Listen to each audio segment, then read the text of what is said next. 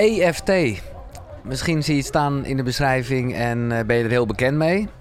Eh, of misschien ben ik zo slim geweest om er wel gelijk bij te zeggen Emotional Freedom Techniques. Het is al een aantal keren ter sprake gekomen in verschillende koekeroegesprekken. En ik heb nu, ik zou wel kunnen zeggen, de Nederlandse ambassadrice van EFT. Nou, dankjewel. Ja, toch? en al sinds jaar en dag. eh, innerlijke rust met EFT is jouw boek. Nou, hoe lang geschreven is, eh, hoe lang eh, heb je geleden dat uitgebracht was hiervan? eh, eh, 2011 is dat uitgekomen. kan je nagaan. En nog Ja. steeds als een malle. Ja, Omdat ja. mensen ermee in aanraking komen. Dat zal nu niet anders zijn. Ehm, eerst even helemaal terug naar de basis. Niet eens zozeer uitleggend wat het is. Want daar gaan we het natuurlijk uiteindelijk wel over hebben. Maar hoe kwam jij ermee in aanraking? Want jij was ehm, danseres, actrice. En, en, en ging op die manier, dat zie je wel vaker bij actrices, dat ze dat ook gebruiken voor, voor ja, trainingsdingetjes. Mhm. Zo, ik, en, en, ja, ja, ja. en hoe eh, kwam je dan met EFT in aanraking? Eh, dat is eigenlijk wel een grappig verhaal. Want dat was via een, een vriendin van mij. Die daar iets over had gehoord. En die zei: Oh, Yvonne, dat is iets van jou. Dan moet je eens even gaan kijken wat dat is. Dus, dus ja, en toen we. En, en dat. Kijk, in die tijd. Ik, ik was net gescheiden. Ik had behoorlijk wel wat issues om op te kloppen, zou ik maar zeggen. Ja. En eh, toen, ja, in Nederland was er toen eigenlijk heel weinig tot niks. Hele kleine workshopjes. Ik ben naar een heel klein workshopje gegaan. En ik ging het ervaren. Ik zat in die workshop en nou, we moesten allemaal een onderwerp nemen. Nou, als je in echtscheiding ligt, dan snap je wel waar het ongeveer eh, over kan gaan. Ja, ja, ja. En, en ik merkte opeens, ik ging kloppen en ik ging het doen. En ik merkte dat al die emoties uit mijn lichaam verdwenen. En ik dacht, hey, dit is heel gek. ja. En ja, en zodoende heeft het me eigenlijk gepakt en nooit meer losgelaten. Want toen voelde je wel gelijk ook de passie om dat eh, de rest van de wereld, in ieder geval Nederland, ook te laten weten. Nou, nou, dat was nog niet zo 1, 2, 3 hoor, dat ik die, die passie had. Dat, dat kwam wel later, toen ik me meer in ging verdiepen. En ik Ja, heb ja. toen, eh, de, de grondlegger van EFT is Gary Craig. En die, eh, ja, die had ontzettend veel online materiaal. Hij gaf geen seminars meer, hij was toen al gepensioneerd. Maar ik heb al zijn materiaal besteld. Ik ben het Ah. allemaal gaan bestuderen. Ja, en toen, toen ik hem zag en zag wat hij er allemaal mee deed, dacht ik, ja, hier zit zoveel potentie in. Ja. Dat moet, Nou ja. moet gewoon iets mee gedaan. W- hoe leg jij het uit aan totaal onbekenden? Want jij zegt er net Ja. al kloppen, dat is, dat is vrij Ja. de essentie. Eh, maar eh, oké, wat, wat is EFT? Nou, ik zeg dat meestal in één hele korte zin. EFT is een eenvoudige methode die je zelf kan toepassen om negatieve emoties mee te neutraliseren. En dat is eigenlijk de basis van Ja. EFT. Ja. En, eh, en als je weet dat je het kan toepassen op alles wat met angst of stress of spanning te maken heeft, nou, dan kan je bedenken dat de rijkwijde ontzettend groot is. Mhm. Maar deze ene zin, en dat is op zich prima, die roept natuurlijk gelijk al heel veel vragen en misschien zelfs weerstand op. Ja. ja, kom maar op. Nou ja, en ik bedoel, ik, ik, ik stel vaak vragen waarvan ik het antwoord weet, hè. Maar als jij zegt emoties neutraliseren, dan denk je, ja, maar wacht eens even, dat moet je helemaal niet willen. Emoties, die moet je toelaten. Ik bedoel, ik zeg altijd over koekeroe.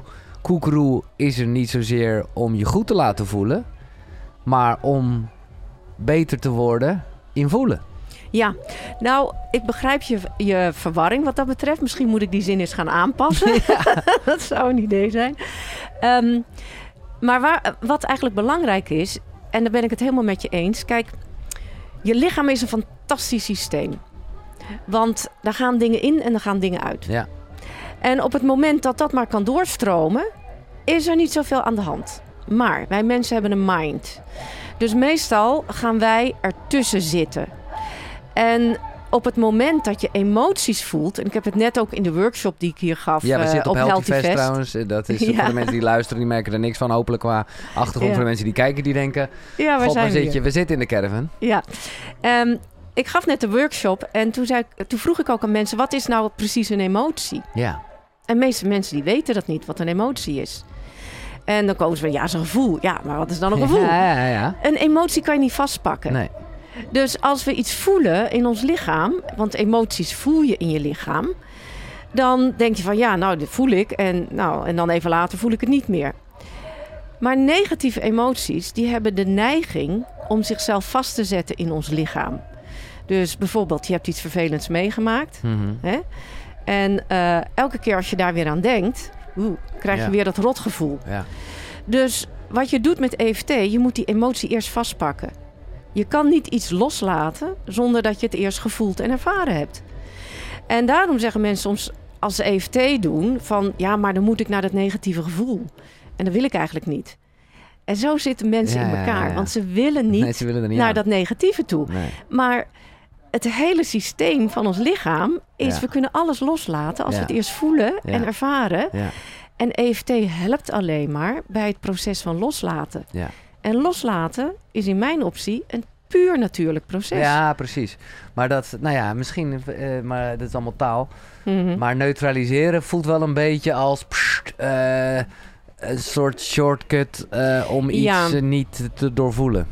Nou, dat is dus niet de bedoeling. Nee, maar je maar kan je voorstellen dat, kijk, mensen komen voor allerlei soorten dingen bij Ja. mij. En als mensen eh, hele vervelende dingen hebben meegemaakt in Dan hun voelt leven. dat wel heel fijn om te zeggen. ja, dan is het ik. heel fijn Ja, als je ja. iets kan loslaten. Ja. En als je terug kan gaan naar een bepaalde herinnering in je leven. Ja. Maar dat het neutraal voelt. Ja, ja, en dat is ook wat het is. Hè? En, en om gelijk alvast even een voorbode te nemen, even los van het feit dat je het zelf kan doen, is het natuurlijk altijd misschien wel fijn als je het met iemand doet die echt helemaal goed de techniek beheerst. En je hoeft dus nooit, dat vind ik heel mooi eraan, daar komen we straks zeker op, Hmm. helemaal, in ieder geval zeker niet naar jou toe, terug te gaan, of, hè, dan, of de coach die je helpt, naar, naar eh, hè, de specifieke informatie. Als je zelf de film in je hoofd hebt en Ja. dat gevoel oproept, Ja, dan Ja. is het al genoeg. Dus ook als je het niet helemaal zo goed meer kan beschrijven, maar wel ah, dat, dat niet fijne gevoel. Maar ik heb eerst nog een vraag. Ik weet niet of dat zo is en of het erg is, maar jij zegt dat juist negatieve gevoelens, emoties, gevoelens, ik haal het een beetje door elkaar, Hmm. eh, de neiging hebben om vast te klampen. Maar eigenlijk kan dat kan toch ook met positieve emoties. Ik bedoel, als je verliefd bent, dan is toch ook alles heel mooi. Ja, als je ver- verliefd bent is alles heel mooi. En dan gaat dat voortdurend ook als een soort van Ja. hele positieve energie door je lichaam heen. En kijk, eh, wij mensen zijn nou eenmaal zo gewaaid dat als we een positief gevoel hebben, dat willen we graag houden. Ja, Dus dat willen we helemaal wil niet ik- kwijt. Nee, precies. Nee. En, en dat, dat is dus een, zal maar zeggen, een. eh, kijk, ik heb niks tegen negatieve emoties. Hè? Want ik vind dat emotie is gewoon informatie. Ja, Een emotie die zegt je hoe het met je gaat en wat er aan de hand is. Maar ik geloof ook dat we veel happier, gelukkiger, relaxed kunnen zijn als we wat makkelijker bepaalde dingen kunnen loslaten. ja. En eh, ja, dus, dus ja, gewoon en, en, nogmaals, dan ga ik weer even zoomen op dat loslaten, neutraliseren, whatever. ja. Omdat dus eigenlijk hè, emotie, motion, beweging, wat ik wel eens heb gehoord en gelezen, is dat eigenlijk moet zo'n gevoel binnen een kwartier of misschien zelfs een paar minuten, weet ik wel, dan is het weer klaar. En dat geldt eh, misschien helaas ook voor de leuke dingen, maar dat kennen we natuurlijk van voeding heel erg. Oh, wat smaakt het lekker.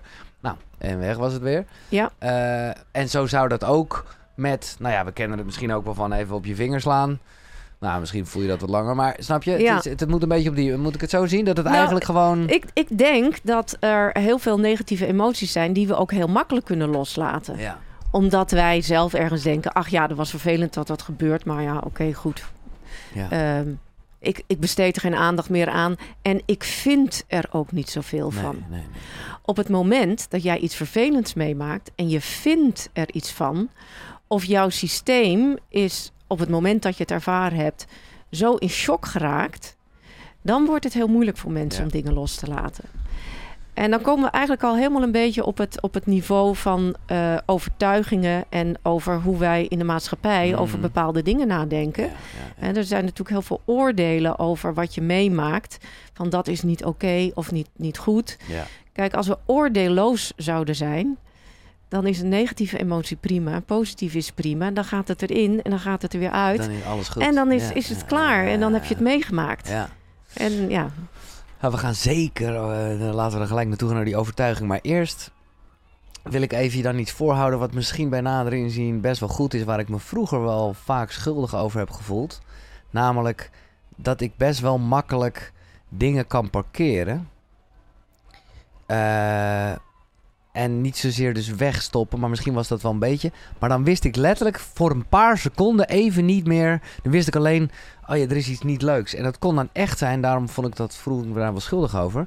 Want dan kon het echt het overlijden van mijn zus zijn. Mhm. Of mijn vader, gewoon echt zoiets fucking groots. Ja. Of gewoon even, oh, eh, wat jammer dat die film vanavond niet draait.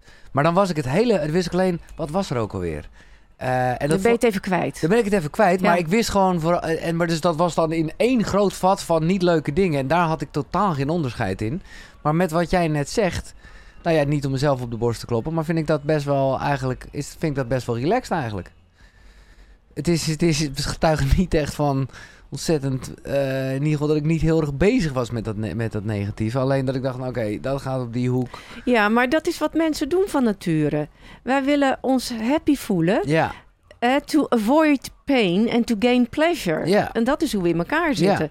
Dus we hebben allemaal een fantastisch systeem waarin we als iets negatiefs of onprettigs is, dat we het gelijk opzij ja, zetten. Ja, En dat is overleving. ja.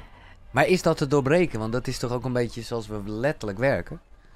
Ja, maar kijk, dat is allemaal niet erg tot het moment dat jij last begint te krijgen. Want ik hoor je een paar heftige dingen zeggen. Ja, ja, ja. Die ik, waarbij ik je de hand kan schudden. ja. Mijn zus is ook overleden. Ehm, dus dat soort hele grote impacts in je leven, dat kan je niet 1, 2, 3 verwerken. Nee. Hè? Dus, Nee. dus daar heeft je lichaam ook meer tijd voor nodig. Ja. En soms heb je daar gewoon hulp bij nodig. Ja. Ja. En moet je, ja, maar je moet het vooral. Ja, je moet het vooral gewoon even goed voelen. En dat is, nou ja, ik zeg dit misschien een beetje eh, kort door de bocht. En ik hoop niet dat ik bij jou iets van heb opengetrokken met betrekking tot je zus dan. Maar dat is meer omdat ik voor mezelf, ja, in hoeverre ik dat kan inschatten, maar heel erg zo eh, op dat moment wel heel erg in ben gegaan. Ja, Wat bedoel je dat je daar heel erg in bent gegaan? nou dat ik dat gewoon heel erg gevoeld heb. En dat ik daar ook Ja. geen, geen, geen barrière in heb gezegd van nou, nu zou ik me weer even goed moeten voelen of zo. Of, of, of daar overheen stappen. Eh, maar eerlijkheid gebied te zeggen dat het daardoor nou, be- best wel snel. En ik kan nog, ik bedoel, ik kan er nog wel verdriet over hebben. ja. Maar om eerlijk te zijn vind ik dat heel fijn. Want dan denk ik, oh, Ja. mijn zus is er nog of zo, snap je? Dus ja, is ja, ja, ja. Er zit, Ja. Ja. En dat is ook iets wat mensen vaak doen. Dat ze vast willen houden aan een negatieve emotie. Omdat ze dan het gevoel hebben dat ze nog verbinding hebben met degene die Mm, overleden ja, is. ja, ja, ja. Dat herken ik heel erg. Ja, En, en er is niks mis mee om dat te voelen of om, om daarmee een soort associatie te hebben. Nee. Maar het is gewoon weer een associatie die je maakt met een bepaalde persoon. ja. En ehm, ja, ik weet even niet meer wat je net allemaal zei. Daar wilde Nee. ik nog iets over zeggen, maar goed, Oh, maakt, niet, maakt, maakt niet uit. Maar ik, eh, het, voor mij is, het, is EFT een hulpmiddel voor mensen die doordat ze negatieve emoties niet makkelijk kunnen loslaten, vastlopen in hun huidige leven. Eh, mensen die bij mij komen die bijvoorbeeld een, een, een angst, een sociale angst of een fobie hebben of eh, überhaupt dat ze gewoon in hun werk niet verder komen, omdat ze altijd totaal eh, in de stress zijn als ze op sollicitatie gaan. Ik noem maar even iets simpels. Mensen die niet meer auto rijden omdat ze een autorijangst hebben, of omdat ze niet meer vliegen omdat ze vliegangst hebben. En dat zijn even dan de simpele dingen. Nee, maar heel goed. Maar zou je kunnen zeggen dat stress eigenlijk dat is? Namelijk een opeenstapeling van niet verwerkte emoties? Ja, ehm, ik denk dat eh, alles wat met een negatieve emotie te maken heeft, op een bepaalde manier ook met stress te maken heeft. Ja. En stress is gewoon een reactie van je lichaam. En een bepaalde mate van stress is prima. Hè, dat ons lichaam ons eh, even activeert om Ja. dingen te gaan doen. Nou, ik, ik zag ze hier net staan te springen en te Ja, doen ja, allemaal hier. En dat is, dat is super, dat is gezonde stress. Die kan je hebben. Ja. Maar negatieve stress, ja, Ja. dat is die stress. En daar zitten vaak ook negatieve gedachten en emoties aan gekoppeld. Ik kan dit niet, ik ben hier niet goed in, ik Ja. vind dit eng, eh, Nou. dat soort dingen. ja. Eens even kijken, want ik heb, eh, man, ik, wow, ik wil zoveel vragen. En ik wil ook zeker voor, hè, om- juist omdat het iets is wat je dus echt ook bij jezelf kan toepassen. eh, nou, zeker even jou vragen om een goede, duidelijke uitleg te geven. Dus dat komt zeker. Ehm, maar laten we toch maar even beginnen, want dat is wel de basis van waar het vaak mis kan gaan met de overtuigingen. Je noemde het net al eventjes. Mhm. De, de, de conditionering. Jij noemt het tegeltjes, vind ik heel leuk. Want dat, ja, onze tegeltjes aan de wand. onze tegeltjes aan de wand. En je hebt er een paar opgeschreven. En dat zijn dan letterlijk tegeltjes, maar wel echt. Waarvan ik bij een aantal ook wel dacht van ja, ja, ja, die zitten wel in mij. Wie het eerst komt, het eerst maalt. Zij zijn groot en ik ben klein. De brutalen hebben de halve wereld. Om geld te verdienen moet je hard werken. Het leven is zwaar. Geld maakt gelukkig. Of juist, geld maakt niet gelukkig. Ik ben dom. Mensen veranderen niet. Ik ben anders dan de rest. Mij lukt het niet. Ik heb altijd gelijk. Handjes boven de dekens. Ik ben waardeloos. Mensen zijn niet te vertrouwen. Het, zijn, oh, het is een vrij random over, maar ook weer niet, omdat, eh, nou ja, dat zijn gewoon dingen die je kan geloven in essentie. Of er zal er vast eentje zijn die je nu gehoord Ja. hebt waarvan je denkt, ja, ja, ja, zo zie ik dat wel. En op het moment dat je dat echt zo denkt, dan, dan ja, ja, dan is dat dus je overtuiging. Ja, je overtuiging stuurt je gedachten Ja, en eh, zorgt voor bepaalde gevoelens en stu- stuurt je gedrag aan. ja, Maar soms zijn we ons helemaal niet meer bewust van die overtuigingen. En iedereen heeft ze, hè? ik ook.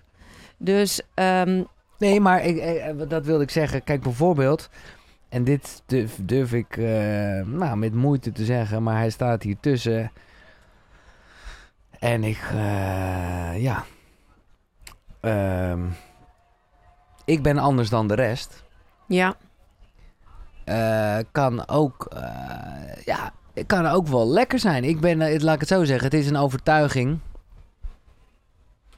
die mij ook wel veel gebracht heeft. En ook, Ja. het heeft ook een onwijze eenzaamheid in zich hoor. Dus dat voel ik ook wel. Maar ik bedoel, ja, maar een overtuiging, die nemen we aan op het moment dat we hem nodig hebben. mhm. Overtuigingen komen voort als een soort overlevingsstrategie op lastige momenten. Eh, ik heb zelf de, de- die, die zij zijn groot, ik ben klein, het Ja. Calimero-effect. Ja. Daar heb ik heel lang last van gehad. Had ik hier ook niet rustig gezeten, Nee. een aantal jaren geleden. Ehm, want ik maakte iedereen anders altijd veel groter. Dus En een beetje wie zo. ben ik? Eh, Nou ja, nou, niet wie ben ik, maar, Nee, ja. maar wel van, oh, die anderen die zijn Ja. groot en geweldig en fantastisch. En ik ben maar, ja, ik stel eigenlijk niet zoveel Nee. voor. nee. En ja, dus dan voel je je heel klein, hè? Dus dat komt ergens vandaan. Dus jouw overtuiging van ik ben anders dan de rest komt ook ergens vandaan. Een moment waarop je gedacht hebt van nou die overtuiging ga ik aannemen. Want ja, het is misschien niet zo fijn, maar ik heb er ook wat aan. Mhm. Dus er is ergens een moment in jouw leven geweest dat je dacht van... nou weet je, dan ben ik maar anders als de rest. En Ja. dat ga ik voor mezelf gebruiken. Ja. En, En, en, en hoe, want dat kan ik bij deze goed. eh, vind ik, dat is dan, ma- maar hoe, hoe, hoe zou je dat dan met het Calimero-effect? Hoe ga je die voor jezelf goed lullen? Nou, ik ga hem niet goed lullen. Maar wat ik, wat ik dan... Want die ken ik ook heel erg. Ja, ja, ja, ja, ja. dus even voor iedereen met de Calimero-effect. Ja, ja. Ehm, die gewoon heel erg. mensen- Eigenlijk is dat ik ben niet goed genoeg, toch? Eigenlijk is dat ik ben niet goed genoeg. Ja, Ja. dat is eigenlijk een, Ja. een overtuigingen zijn vaak ook gestapeld. Hè? Dus Ja. dan is, is de grotere overtuiging ik ben niet goed genoeg. Nou, wat ik dan, dan doe eh, met mensen is om terug te gaan van... oké, op welke momenten in jouw leven heb jij in de basis het gevoel gehad dat je niet goed genoeg bent? Ja. Wat heb je gemist? Wat is er niet gebeurd? Wat je wel graag had willen voelen en ervaren? En eh, ja, dan, dan... Mensen zijn vaak... hebben een soort van onderbewust eh, database... En als ik zo'n vraag stel, dan zeggen mensen vaak: Oh ja, dat weet ik wel, want er was toen en toen dat en dat gebeurd. Mensen komen vaak heel snel met een Ja, situatie dus- of een ervaring, Ja. Waardoor ze zeggen: van, Oh ja, maar daarom denk ik dat. ja, maar ik, als ik het deze toch even, dan laten we er gewoon vol voor gaan. Ik maak er gewoon even een gratis sessie van met jou. Yvonne. Oké. Fantastisch. Want dit is in menig, nou niet alleen gesprek, maar ook allemaal gekkigheid die ik gedaan heb. eh, met eh, en zonder middelen. Gewoon, hè, dit is, ik ik Mhm. ben heerlijk op ontdekking. Komt deze als een soort basis heel eh, vaak naar voren van ik ben niet goed genoeg. En die ik ben, is anders als ik ben. ja, die is heel anders. Die is anders hoor. Maar Maar je wil moet- nu naar de ik ben niet goed genoeg. Nou, om eerlijk te zijn wel. Ja, Omdat ik daar echt helemaal niks positiefs mee kan maken. En ik ook, eh, en dat merkte ik een aantal keren lezen in jouw boek. Dat ik echt, nou ja, eh, ik voel dan heel erg de techniek. En er staan tal van voorbeelden in vanuit jouw dagelijkse praktijk. En die mensen wisten dan altijd precies te vertellen. Ja, want toen ik zeven was, dit en dat, de zus en zo.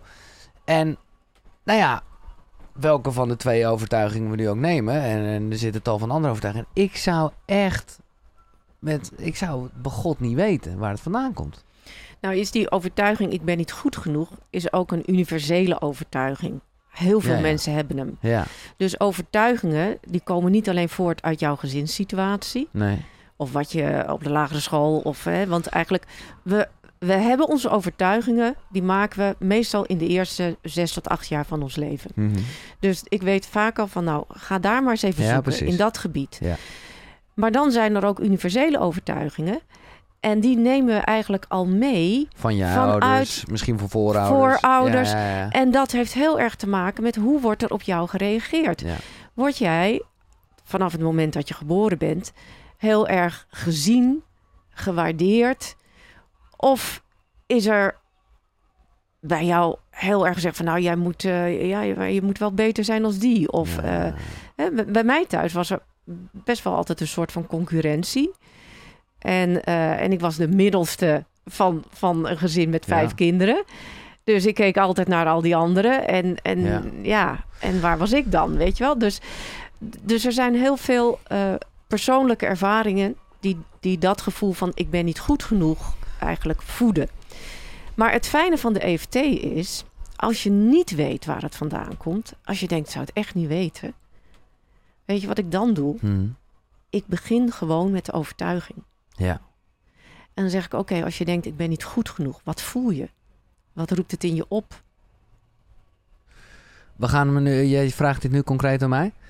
Nou ja, bijvoorbeeld. Ja, ja, nee, Laten we kijk, gek doen. Kijk, ja, nee, precies. Kijk, laat ik al gewoon toch, want ik heb hier echt wel vaak over nagedacht. Wat ik al zei, ik ben hier nog mee bezig en ik weet natuurlijk ook wel van die leeftijd. Ik ben de jongste. Eh, en daarmee, nou, denk ik al, ja, maar goed, eh, dat ik wel vaak het ook een beetje in mijn eentje moest rooien. Ehm, hè, doe maar gewoon, dan doe je al gek genoeg. Is ook wel een soort. Ga eens eh, even terug naar oh, dat ja, in ja. je eentje. ja, ja, In je eentje. ja. Hoe voelt dat? Als je terugdenkt. Oh, eh, heel eentje. verdrietig. Ja, hè? Heel verdrietig. Ja. Ja. Nou, en dat is, zou voor mij gelijk al het startpunt zijn. Dit is al genoeg. Ja. Dan ik hoef, want ik zit te denken, maar ik weet niet concreet het moment. Nee, ik maar weet- doe je ogen eens dicht. Oké. We gaan- we gaan het gewoon even Ja, we gaan, het- we gaan het doen. Ja. Dus jij zegt, als ik denk aan ik ben niet goed genoeg. Ik was als kind, ik het allemaal in mijn eentje. Ik moet het in mijn eentje rooien en je voelt verdriet. Ja. Ja, oké. Waar voel je dat in je lichaam? Oh, heel... eh, ja, ik weet niet wat hier zit. eh, Op je wat- borstbeen? ja. Ja, oké. Dus hoe intens is dat verdriet? Op de schaal van 0 tot 10. Nou... Ja, dat is wel intens hoor. Het is gewoon bikkelhard. En, eh, Ja. Dus ik, ik vind het... Ik, ik, ik, ik kan het niet echt aanraken. Maar dus ik zou wel zeggen... eh 8, 9. Ja, oké. Ja. Nou, Dit is alles wat we nodig hebben voor de EFT. En nou zijn we een beetje onhandig, want we hebben alle twee een microfoon in onze hand. Ja. dat is een beetje onhandig. Maar zal ik, kloppen. eh, wel, ga jij bij mij kloppen? Want eigenlijk zou ik het zelf kunnen doen. ja. Maar ik vind het, ik bedoel, ik heb hier de pro, dus eh, waarom zou ik het zelf ja, doen? ja, nou normaal gesproken doe ik het altijd mee en voor. Maar jij weet hoe het gaat. Ik, heb het, ik heb het geleerd in je boek, maar ik weet niet dan helemaal de plekken. Want dan dacht ik al, je moet een beetje zo beginnen op je hoofd. Hier boven op je hoofd. Maar ja, in het midden van je hoofd? Ja, boven op je kruin. Ja. Weet je waar je fontanel is? Ja. Ja, maar je, je begint met de klop op de zijkant Oh, van je je begint eh, met het karate, hand. Karatepunt. Ja. Dus waar Ja. je... Ja. Oké, Dus kijk, mij lukt het nu zo. dus oké. Ja, oké. En maakt het niet uit rechts of links? Maakt niet uit. Nee. Oké. Oké, dus we hebben nu een paar dingen. En ik moet natuurlijk wel in dit gevoel blijven ondertussen ook. ja, want ik ga je helpen. Ik ga de woorden geven. Ja. Ook al geloof ik Ook al geloof ik dat ik niet goed genoeg ben. dat ik niet goed genoeg ben. En als ik terugdenk aan vroeger, En als ik terugdenk aan vroeger, ik deed alles alleen, ik deed alles alleen, dan voel ik dat verdriet dan voel ik dat verdriet boven in mijn borst. boven in mijn borst. En toch sta ik ervoor open En toch sta ik ervoor open om helemaal mezelf te mogen zijn. om helemaal mezelf te mogen zijn. En ook al geloof ik En ook al geloof ik dat ik niet goed genoeg ben. dat ik niet goed genoeg ben. En als ik terugdenk aan vroeger, En als ik terugdenk aan vroeger, ik deed alles in mijn eentje. ik deed alles in mijn eentje. En dan voel ik dat verdriet. En dan voel ik dat verdriet. En dat voel ik op mijn borst. En dat voel ik op mijn borst. En toch sta ik ervoor open En toch sta ik ervoor open om helemaal mezelf te mogen zijn. om helemaal mezelf te mogen zijn. En ook al voel ik dit verdriet, En ook al voel ik dit verdriet, als ik terugdenk aan vroeger, als ik terugdenk aan vroeger, ik deed het allemaal alleen. ik deed het allemaal alleen. En ik dacht dat ik niet goed genoeg was. En ik dacht dat ik niet goed genoeg was. Toch sta ik ervoor open Toch sta ik ervoor open om mezelf helemaal te accepteren. om mezelf helemaal te accepteren. Oké, mag je ogen open doen? Boven op je hoofd. Ik ben niet goed genoeg. Ik ben niet goed genoeg. Bij je wenkbrauw. Dat verdriet dat ik voel. Dat verdriet dat ik voel, Zijkant hoog. Verdriet op mijn borst. verdriet op mijn borst, Onder je oog. Verdriet, want ik deed alles alleen. verdriet want ik deed alles alleen. Onder je neus. Dat verdriet wat ik voel. Dat verdriet dat ik voel, Heel goed. Bij je kin. Al dat verdriet. al dat verdriet. Bij je sleutelbeen. Ik denk dat ik niet goed genoeg ben. Ik denk dat ik niet goed genoeg ben. Ik deed het allemaal in mijn eentje. Ik deed het allemaal in mijn eentje. En dat maakt me heel verdrietig. En dat maakt me heel verdrietig. Nog even onder je arm. Al dat verdriet wat ik voel. Al dat verdriet dat ik voel Op mijn borstbeen. op mijn borstbeen. Oké. Nou, ik voel met je mee. Wat voel je? Mm. Ja, ik heb het dus wel gedaan met wat kleine dingen, zoals jij omschrijft in je boek, waardoor Mhm. ik deze nee, nooit gedaan heb, omdat ik dacht, nou, laten we het even niet doen. Eh, dus ik weet eigenlijk sowieso al van de eerdere keren dat ik het bij mezelf gedaan heb, dat het altijd lekker is, eh, omdat Ja. het gewoon lucht geeft en je jezelf, eh, ja, voelt- ruimte. Ruimte, Ja. ja, exact. Ja. Dus dat voel ik nu weer. Wat ik opvallend vind, omdat ik wel... eh, nou, ik ging er toch best wel in, omdat ik... Ja, dat zag ik. eh, Doe je ogen nog eens even dicht. Ja. En kun je naar die plek op je borst gaan? Ja? Hoe voelt dat nu daar? Als je terugdenkt aan je jeugd en je deed alles alleen. Ja. Wat voor reactie geeft je lichaam? Eh, dat het wat dunner is geworden, hoe zeg je Mhm. dat? Eh, gewoon eh, minder hard. Dus, nou, waar ik het net een... wat gaf ik het, een 8, 9? Ja, ik weet niet of ik gelijk onder de 6 kan duiken, maar ik voel... Eh, dus het is niet... eh nou, maar dat zoiets. hoeft- zoiets, ook, ja. zoiets. ja. Kijk, Zo werkt het echt een beetje zo? zo, werkt het. En, en dit is pas een eerste stap, hè? Ja, Want zo'n overtuiging, eh, die heb je al jaren, ja, hè? Die Ja. hebben we allemaal al jaren. Ja. En hoe het voelt, dat sluimert ergens ook al mee met je. ja, Dus dit is een opstart. En dan merk je al ja, dat datgene, hoe je lichaam reageert, dat is zo mooi, hè? ja, ik werk altijd met het lichaam. ja. Je lichaam praat tegen je. Dus je lichaam die zegt nu al, oh, ik heb al iets meer van dat verdriet misschien losgelaten. Het voelt al Nou, iets ik zal, dun- ik, dunner. laat ik heel eerlijk zijn, Yvonne. Ik stap er ook nu een beetje overheen, omdat ik denk, ik zit hier gewoon met jou in een gesprek. Tuurlijk. Dus even geen gelul, want ik heb geen zin om hier... eh, Nee. Maar ik zou... Nee. eh, Ja. nou, Ik, ik snap het. Want Ja. als ik met mensen werk, zeg ik altijd, er zijn drie dingen die kunnen gebeuren met EFT. mhm. Kan zijn dat het gewoon hetzelfde is. Dat je denkt van, nou, je hebt mooi lullen, maar het voelt hetzelfde. Ja, Het kan zijn dat het natuurlijk veel lichter is. Ja. je denkt van, hé, lekker. En het kan zijn dat het intenser wordt. Want op het moment dat ja, je ergens... er naar- naartoe gaat. omdat je er naartoe gaat. Ja, begrijp ik, ja. En dat is Maar dat is top, toch? Ja, dat is top. En het is ook nooit erg. Dus als mensen denken van, oh jee, ik doe EFT en het wordt erger.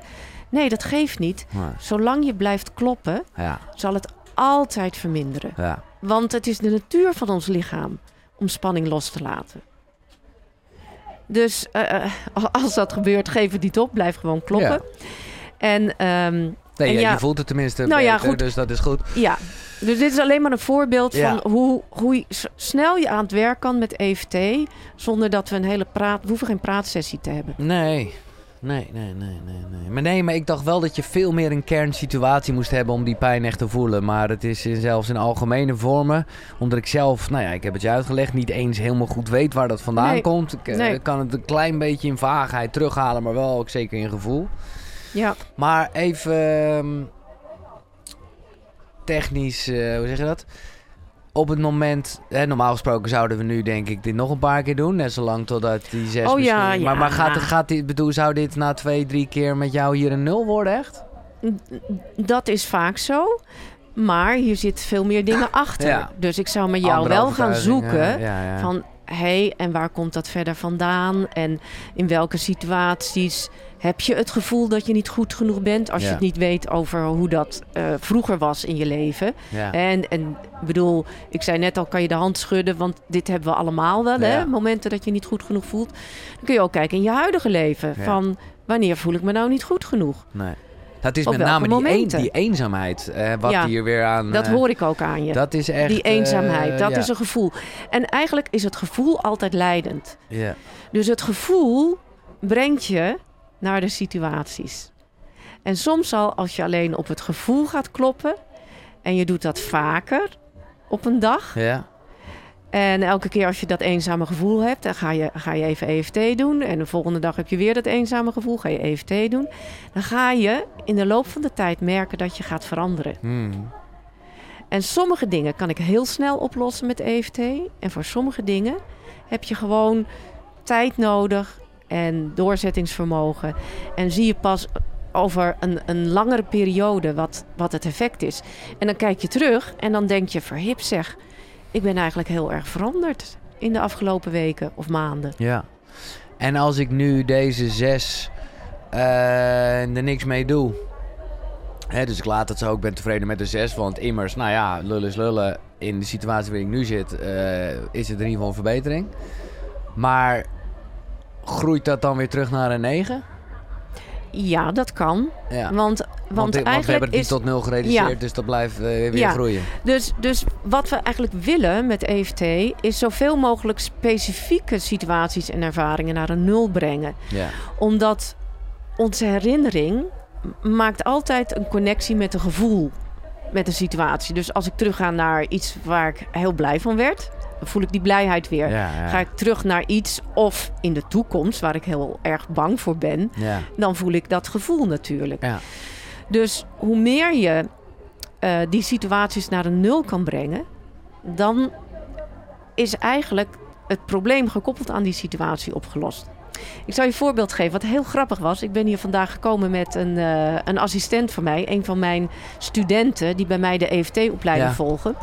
En in de opleiding werken we ook hè, aan onze eigen dingen Tuurlijk, allemaal. En ehm, zij had een beetje angst voor spreken in het openbaar. nou, dat is dan eh, heel, ook heel bekend. Ja. Ja. En heel veel mensen hebben dat natuurlijk. En zij ging daaraan werken.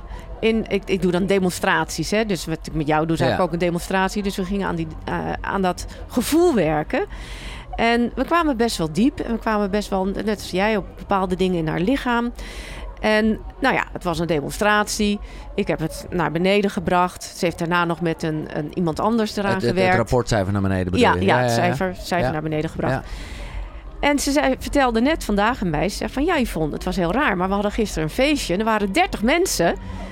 En ik ging opeens maar voor die 30 mensen staan en praten. En ik had het niet eens in de gaten. En achteraf dacht ik, huh? Ja, ja, ja. Ik was heel relaxed en ik ging gewoon praten. Ja. Dus dan heb je, wat je net al zei, dan heb je zelf eigenlijk van tevoren had je niet eens door dat dat veranderd is. En dat Nee. merk je dan door je gedrag eh, Dat later. merk je door je gedrag. En is nu, want dat voelt bijna wel heel utopisch, omdat jij al eerder zei van het is bijna mens eigen. Die, je bent niet goed genoeg. Heb jij die voor jezelf naar de nul? Ehm, nou, ik heb hem niet 100% naar Nee. een nul. Nee, maar ik bedoel Maar zeggen, nee, maar wel- ik denk dat het heel menselijk is. Want omdat je Ja. anders namelijk echt, ja, Ja. dan Ja. wordt het misschien tegen dat narcistisch aan, dat je jezelf een soort god voelt. eh, Ja, dit- dit- ja, dit- ja, ja. Ik bedoel te zeggen, de onzekerheid is ook onderdeel van de game waarin we zitten, toch? Absoluut. En ik denk, en, en daarom vind ik de opstartzin zo mooi. Omdat je daarmee eigenlijk zegt, ik accepteer mezelf precies zoals ik ben. Ik varieer er ook wel. Ik mag Ja. zijn wie ik ben Ja, ja, of ja. zo. Hè? Ja, ja, ja. En dat is zo belangrijk. Want, Ja, want dat is, eh, psychologisch gezien is dat een hele belangrijke zin. Ja. Omdat je benoemt bij EFT altijd de negatieve waarde van of een herinnering, of een emotie, of een, een, iets fysieks, Ja. of een overtuiging.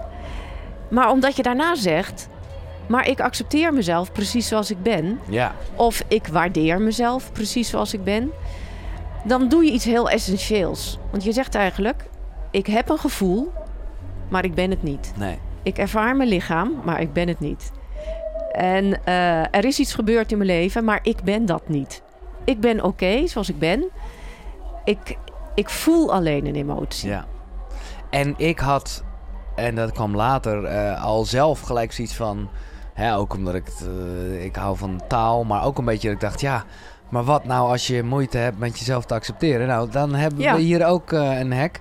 Want dan is de zin, ook al heb ik moeite mezelf te accepteren... Toch sta ik open voor de mogelijkheid mezelf te accepteren, precies zoals ik ben. Ja, Ja, ja. top. ja, maar dat is gewoon een soort van mindfuck natuurlijk. Ja, dat is een hè? mindfuck, maar wel een goeie. Ja. Want ik denk oprecht, het is niet, eh, het is, ik denk niet eens dat het een heel uitzonderlijk ding is. Nee. Dat mensen juist moeite hebben met zichzelf te accepteren. Ja. Ik denk dat een grote essentie ja. dat ook is. Maar sta in ieder geval dan open voor de mogelijkheid jezelf te accepteren precies zoals je bent. Dat is een hele lekkere zin. Ja, ja, absoluut. En hoe ehm, denk jij dat het werkt? Kijk, ik, laat, ik, eh, laat ik even teruggaan naar mijn eigen basis. Waarbij ik niet lekker in mijn vel zat. Eh, de hele wereld stond op wankelen, even dramatisch gezegd. Ik wist niet wat ik daarmee aan moest. Gelukkig, achteraf gezien, eh, zag ik bij mezelf een buikje. En dus ging ik sporten. Mhm. Want dat wist ik wel wat ik moest doen. En v- voeding letten zo. Toen kwam ik daarachter. Doordat zo'n instructeur zei... Ja, oké, span je buikspieren, dit, dat en zo. Dat ik, ja, dat ik dat dus helemaal niet zo goed kon. Dus ik kwam er letterlijk achter... dat ik helemaal niet zo goed in verbinding stond met mijn lichaam. Ja, En ik zeg dit nu omdat ik...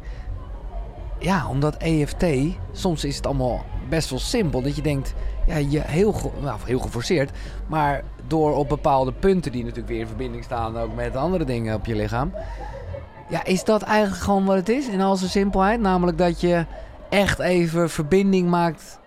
met je lichaam? Of hoe de, nou ja. ja. er is nog veel meer over te vertellen natuurlijk. ja, wat, top. er, wat nu eigenlijk de werking is van EFT. Ja. Hè? Want daar stuur je een beetje op aan. Nou, ehm, er zijn in de laatste jaren best veel wetenschappelijk onderzoek gedaan naar EFT. En een van de mensen die eh, hier eh, veel over heeft nagedacht en onderzoek naar heeft gedaan... is meneer David Feinstein. Dat is een Amerikaan. Eh, ontzettende fijne, intelligente man die... ehm, eh, ja, echt EFT-minded is Mhm. ook. En wat hij zegt is dat het moment als we die punten gaan bekloppen... en dat zijn begin- en eindpunten van meridianen... ja. dan geven we eigenlijk ons eh, weefsel... Hè, je, de, de, de, de tissue in het Engels, maar het, het weefsel... geef je een kleine impuls... En die meridianen, die dus door je hele lichaam lopen, zijn eigenlijk energiebanen. Die energiebanen die staan weer in verbinding met eh, je zenuwstelsel. Nou, dus door eh, de, de, zal maar zeggen, de, eh, het impuls wat we geven, door dat kloppen, worden die energiebanen geactiveerd. Worden je zenuwstelsel geactiveerd. En je zenuwstelsel heeft weer direct verbinding met je brein. Mhm. Het interessante is dat er onderzoek gedaan is naar het brein en wat voor effecten EFT op het brein heeft.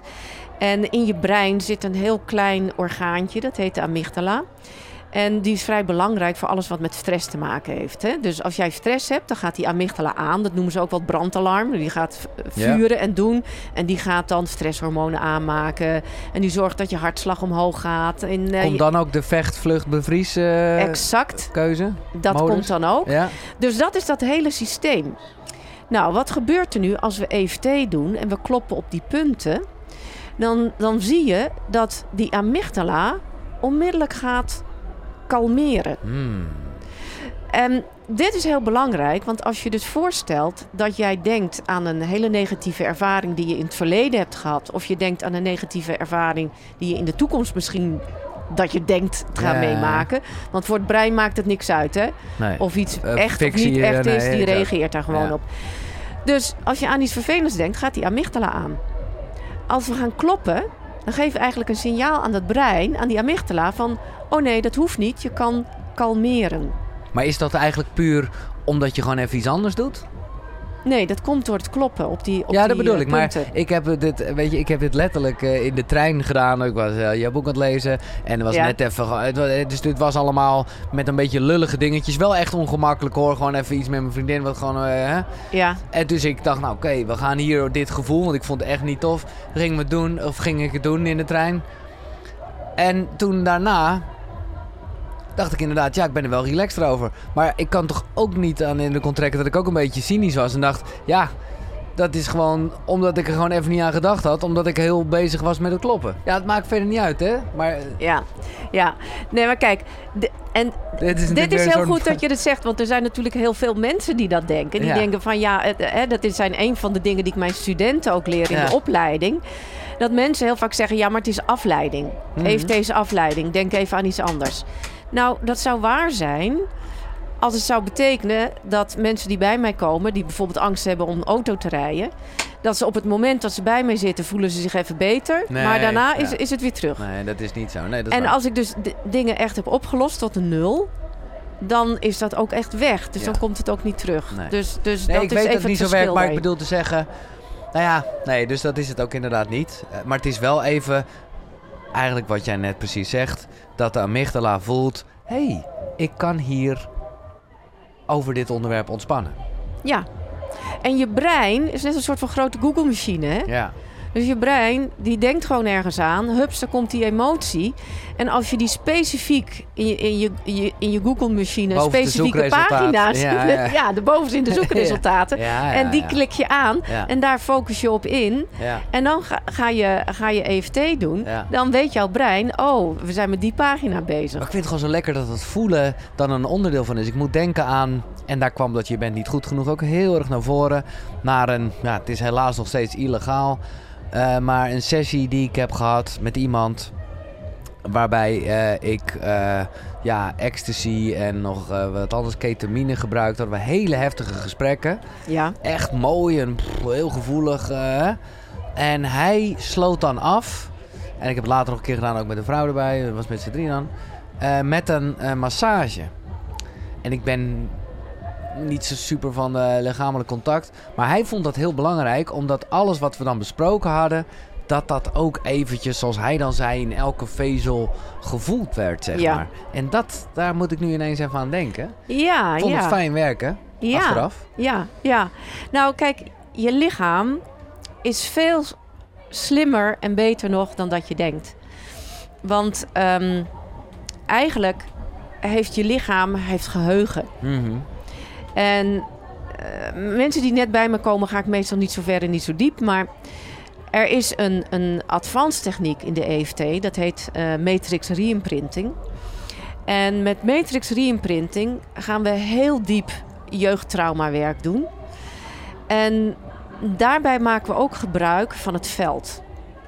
Dus je kan je voorstellen dat er is energie, emoties zijn energie, Ja. een vorm van energie. Energie, ener- ja. ja. energie is in je lichaam. Energie is ook om je heen. Ehm, het veld. Ik, ik, nou ja, dat is wat ik eh, van Byron Katie vroeger heb geleerd. Die zei altijd: If the universe is friendly. If the users... If the universe Ja, if the is universe... friendly. Ja, ja, als die, Dus wat als het universum heel vriendelijk is Ja. en het beste met ons Ja. voor heeft? ja. Kunnen we daar niet op aansluiten? Op dat gevoel? Want alles, wat, alles is, een, is een weerslag. Dus alles wat daar buiten is, is ook daarbinnen. En als ik matrix reimprinting doe met mensen... en ik ben aan het einde van het proces... en mensen hebben, zal ik maar zeggen, de angst of de negatieve emoties losgelaten... en ze zijn opeens, voelen ze zich heel goed... En hebben ze ook een hele andere beleving bij het trauma of datgene waar, waar ze mee gewerkt hebben dan ga ik dat positieve beeld wat ze dan hebben, dat ga ik integreren in het lichaam. Hmm. En dan vraag ik ook aan mensen: kun je je voorstellen dat je dit gevoel en deze energie, Ja, want alles ja. is energie, dat je dat in je lichaam opneemt. Dat je, dat, je brein dat opneemt. Dat je cellen in je lichaam dat opnemen. Dat je hart die energie opneemt. Maar is het dan letterlijk zo dat je dan even denkt, denk, eh, want dat kan ook wel een soort goede reminder zijn, dat je even denkt aan een plekje in je lijf? Moet ik het zo zien? Of, of ga, ga jij dan ja, echt maar je, ja, je verbeelding kan zoveel meer. Ja. Kijk, er is natuurlijk, wij hier in het Westen hebben geleerd dat die dingen natuurlijk allemaal heel raar en, en, en gek zijn. Want wij zijn zo geleerd om alleen met ons brein te werken. ja, maar jij zegt net zelf al, het brein, zo slim is het allemaal niet, eh, maakt geen onderscheid tussen verbeelding en realiteit. Nee, je, Dus- je brein reageert gewoon op de informatie die jij Ja. geeft. Ja, Maar het weten, wie jij, als je zegt, ja, wie ben ik? Wie jij in wezen bent, daar is iets in jou wat dat weet. Want net zeiden we al, ik ben niet mijn emoties, ik Nee. ben niet mijn gedachten, maar ik ben ook niet mijn lichaam. Ik heb een lichaam, ik ben het niet. En het mooie van het EFT-proces, als ik met mensen in dat proces ga en ik ga langer kloppen, dan komen mensen steeds dieper bij dat gevoel in zichzelf. En dan gaat het lichaam, jouw hele systeem, niet alleen je fysieke lichaam, jouw hele systeem, gaat met dingen komen. Herinneringen waar je nog nooit eerder meer aan gedacht hebt, maar waarvan jouw Google-systeem zegt: hé, hey, wacht even, oh, zit je op dat gevoel? Oh, dat heeft met dit te maken, heeft Ja. met dat te maken, heeft met dat Ja. te maken. Ja. En, en dus het, zal maar zeggen, jouw, jouw wezen, die weet eigenlijk precies waar de dingen over gaan. ja. Maar dat ligt gewoon wat dieper, Dieper. weg in ons onderbewuste. Wat ik er mooie vind om nu even te behandelen is. En het is een beetje. Het is grappig dat jij Byron Katie al even noemt. Heb- Bedoel je als je zegt van daarnet van ik heb dat geleerd eh, van letterlijke sessies met haar? Of je, hebt, of je bedoelt het boek? Of, eh, Nou, ik heb haar boek meegenomen. Oh, als een van de Ja, drie ik heb boeken. Oké, oké, meegenomen. een van de drie boeken. ja. Want ik heb zoveel van haar geleerd. Nou, we gaan straks naar die boeken toe. Ja, Eh, maar als ik je toch even mag onderbreken, dan wil ik even één ding maken wat. Eh, nou ja, ik nu ook wel begrijp eh, waarom je dat boek hebt meegenomen in ieder geval. Is namelijk, is het echt wel zo? Hè, die extra vraag stellen. ja. En dat vond ik zo mooi. En daar, nou, daar heeft me wel aan het denken gezet. eh, van wat jij erover schrijft en wat bij EFT wel ook dus belangrijk is. Of er geen reden is dat je eigenlijk wil blijven vasthouden Ja, aan ja, datgene wat je belemmert. ja, Ziektewinst. ja. Noem je dat zo? Dat Ja, ziektewinst. Ja. Ja. Dat, dat klinkt natuurlijk een beetje negatief. Nee, maar dat vind ik wel maar grappig. er is altijd een positieve reden waarom jij wil vasthouden aan iets. Wat je net zei, hè? want dat verdriet over mijn zus wil ik eigenlijk wel houden, want dan heb ik het gevoel dat ze er is. Ja, Dat is een positieve reden om vast te blijven houden aan het verdriet. En wat ik dan mensen probeer te leren is van, goh, zou je ook op een andere manier Mhm. vast kunnen houden aan je zus tuurlijk. Ja. zonder dat verdriet. Ja. Maar omdat we een koppeling maken, ja. en, en, en dat is heel vaak hè, met mensen ook iemand die overleden zijn. Dus ik van Mhm. ja, maar dan, dan eh, eh, laat ik mijn vader los als ik, eh, als ik dan, me niet. Of dan denkt mijn vader dat ik niet genoeg om hem geef of dat soort dingen. Dus we maken een koppeling. ja. En, en als je die koppeling loslaat en je gaat ervaren van hé, hey, wacht even. Dan zie je opeens van hé, hey, ik kan ook op een hele andere manier die Ja, verbinding maken ja. met mijn zus of mijn overleden Nou, om eerlijk te zijn, niet om het dit... eh, het is eigenlijk ook helemaal, misschien is verdriet ook helemaal niet het woord. Ik vind het gewoon leuk als ik, omdat ik iemand zie lopen, omdat ik een plaatje op de radio hoor of eh, een appel zie wat ze graag Ja. had. En ik er dan even aan moet denken. Dus dat is ook helemaal geen verdriet. Maar dan denk ik wel, oh Sas. Eh, dus dat zit hem helemaal niet zo de pijn. En jij omschrijft hier een mooie voorbeeld waarvan ik echt denk, ja, hè, een spinnenfobie. eh, waarbij iemand eigenlijk heel veel baat had bij die spinnenfobie. Omdat er dan iemand was voor haar die die spin weg ging halen. En dus was dat haar Aandacht. ingang naar liefde. Ja, Ja. precies. Ja, precies. Ja. En dat vond ik wel een goeie bij een hoop problemen waarvan je ze misschien heel goed weet dat je ze hebt. Dat je echt even naar de basis gaat van ja. Of zit er iets achter waardoor ik eigenlijk dit probleem eh, wil. nodig heb. Ja, nodig of er heb. baat bij heb. Ja. Of er voordeel aan heb. Kom je dat vaak tegen? Ehm, nou, ik denk dat iedereen dat wel heeft. Eh, inmiddels ben ik zo vaardig met EFT dat ik er eigenlijk wel vrij snel voorbij kan gaan Ja, met mensen. Maar als mensen echt een, een, een, eh, een reden hebben... en als ik echt merk dat iets niet wil oplossen... Kijk, mensen komen bij mij omdat ze zelf het willen oplossen. Hè? Niet Ja. omdat ik het wil. Nee. Eh, maar als we vastlopen, Ja. dan weet ik... Hé, hey, dan ga ik vragen van... Goh, Ja. is er misschien ergens een voordeel om dit gewoon lekker vast te houden? Want voor mij hoeft het niet los te laten. Nee. En, en, en dan is het gewoon zo interessant, omdat mensen dan, die denken daar nooit over na dat dat een voordeel heeft. Nee. En ja, dan komen we echt bij Johan Cruijff, hè? elk nadeel heeft zijn voordeel. Ja. Mooi eh, om eh, over na te denken. Nou, laten we maar gaan naar de drie boeken. Eentje heb je al gezegd, eh, dus pak die erbij. Want je hebt ze echt bij je, vind ik leuk. ja, ik, ik heb ze meegenomen. Dat is, eh, wat nou- dan eh, zie ik ook hoe Ja, maar er is er eentje die echt leuk is om te laten zien. Nee, we laten ze allemaal zien. Maar we Oh, oké. Tenminste, je hebt er drie bij je, toch? Ja, ik geloof nee, het wel. het is de- Even kijken, wat heb ik hier? Oh ja, We nou, dit, met, dit is eh, Katie de Boek. Oh, oh, maar dat Ah, ja. is ook echt... eh, jij, jij- Dit is een eh, very old school. Een echte oude Ja. eh, versie. Fantastisch. Ja. Leuk om... eh, ja. Ja, Helemaal vergeeld zelfs. Ja, wat, wat heeft dit boek jou gebracht? Wanneer, wanneer kwam nou, die op je pad? eigenlijk het boek niet zoveel, maar in, in 2007 heb ik de School of the Work gedaan. En heb ik negen dagen lang met haar in één ruimte gezeten. Fantastisch. Dat was de meest waanzinnige ervaring van mijn leven. Was dat in Nederland? Nee, was in Duitsland. In Duitsland, ja. Duitsland, ja. Daarna ben ik heel vaak, want ze is vaak in Nederland geweest. hè. Mhm. In de zomer kwam Ja. ze altijd. ja. Ging ik daar altijd naartoe. Ehm, omdat En ik gewoon weer dan- eventjes haar wilde horen. Ja, want het waren altijd, als ik het goed begreep, ik heb er alleen over gelezen, eh, praktijk voor. Zij ging gewoon mensen uit de zaal Ja. en eigenlijk de vier vragen. allemaal de vier vragen. Maar om negen dagen met die vrouw te zijn en, en te merken dat zij zo zuiver, zo puur is. In al die negen dagen, alles wat ze zei klopte. Ik word daar nog emotioneel van als ik dit nu aan het vertellen ben. Hè? Want eh, ja, voor mij was zij verlicht. Mhm. Maar dat is helemaal niet belangrijk. En dat vond zij trouwens zelf ook Nee, helemaal niet belangrijk. ook Zij wilde ook helemaal ja. niet dat daar Nee. aandacht aan besteed Maar juist omdat ze gewoon zo de bodem had bereikt. Ja, en zij heeft, ja, ze had de bodem bereikt. En toen heeft ze een, een visioen gekregen. Dat ze zag van, oh wacht even. Het is onze mind die ons ongelukkig maakt. En we moeten de mind, onze gedachten, het gedachtenonderzoek moeten we doen... om erachter te komen dat dat maar gedachten zijn. Ja. Op het, en, en dat is zo interessant. Op het moment dat er een gedachte voorbij komt, we pakken hem vast en we denken dat is mijn waarheid. Nou, even terug naar de overtuigingen waar we het over hadden. Dan gaat hij, gaat iets doen in je Ja. leven. Ja. En er komen zoveel gedachten voorbij op een dag. Ja. Ik weet niet hoeveel, ik geloof 40.000 Ja. of, of nog wel veel meer. Zoveel gedachten. De meeste die, die Ja. vliegen allemaal weg. Ja. Daar heb je niks aan. Nee. Maar die ene gedachte die voorbij komt, waarvan je denkt: oh help. ja, op het moment dat je iets vastpakt en je gaat het geloven, eh, dan, dan, dan, dan gaat het voor je werken. Ja.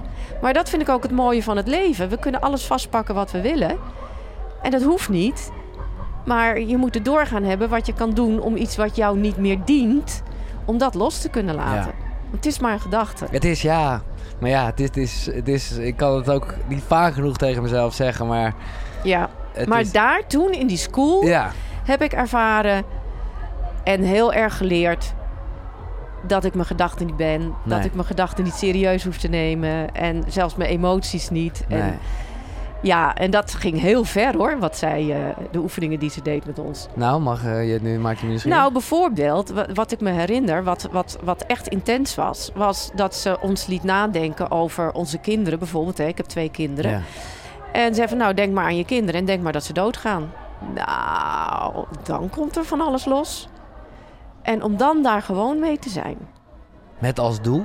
Met als doel om te beseffen dat op het moment dat we daar gaan denken, raakt er allemaal paniek. Maar ik zit hier gewoon, mijn kinderen Niks zijn niet nee, dood en er is helemaal niks aan de hand. Nee, precies. Dus dan even dat mechanisme Ja. helemaal doorkrijgen. Ja, ja, ja. Ja, En, maar daar hadden we het eigenlijk aan het begin van het gesprek al een beetje over. En dan kom je heel erg in de affirmatieachtige sfeer en positieve. eh, eh, ehm, geloof je, ja, hoe zeg je dat? Gebruik je dat dan wel? Of, of zeg je daarvan ook van, ja, het zijn maar gedachten, dus doe het niet? ik begrijp niet helemaal Nou ja, kijk. ehm, ja, eh, het, ja, het zijn maar gedachten, zeg jij. En dat is, dat is natuurlijk een feit. En eigenlijk weten we dat ook allemaal wel, dus we willen ons daar niet aan vastklampen. Want zodra we ons eraan vastklampen, dan gaan we daar naar leven. Ja. Dat is natuurlijk zoals positieve affirmaties en positieve gedachten ook werken. ja. In, in, in een wat positievere zin. Of zeg jij dan ook van nee, gebruik dat ook niet, want het, zijn, het is nog steeds niet wie je echt bent. ja, het is, nog, steeds niet wie nee, jij bent. precies, precies. Ja. Ja. En dan kan het je misschien wel helpen om dichter bij je essentie te komen. Ervan uitgaande dat wij van nature allemaal positieve wezens zijn. ja. En het eh, universum positief is. ja. Maar Nou ja, ik, ik heb nooit een echt verlichte ervaring gehad. Eh, ik ken mensen die dat wel hebben gehad. Eh, wat ik me daarbij voor kan stellen is dat je zo samenvalt met het moment in het hier en nu. En dan maakt het helemaal niet meer uit of je je vrolijk voelt of verdrietig voelt. Of, of dat, dat is zijn. ja, En, en, en dat zijn.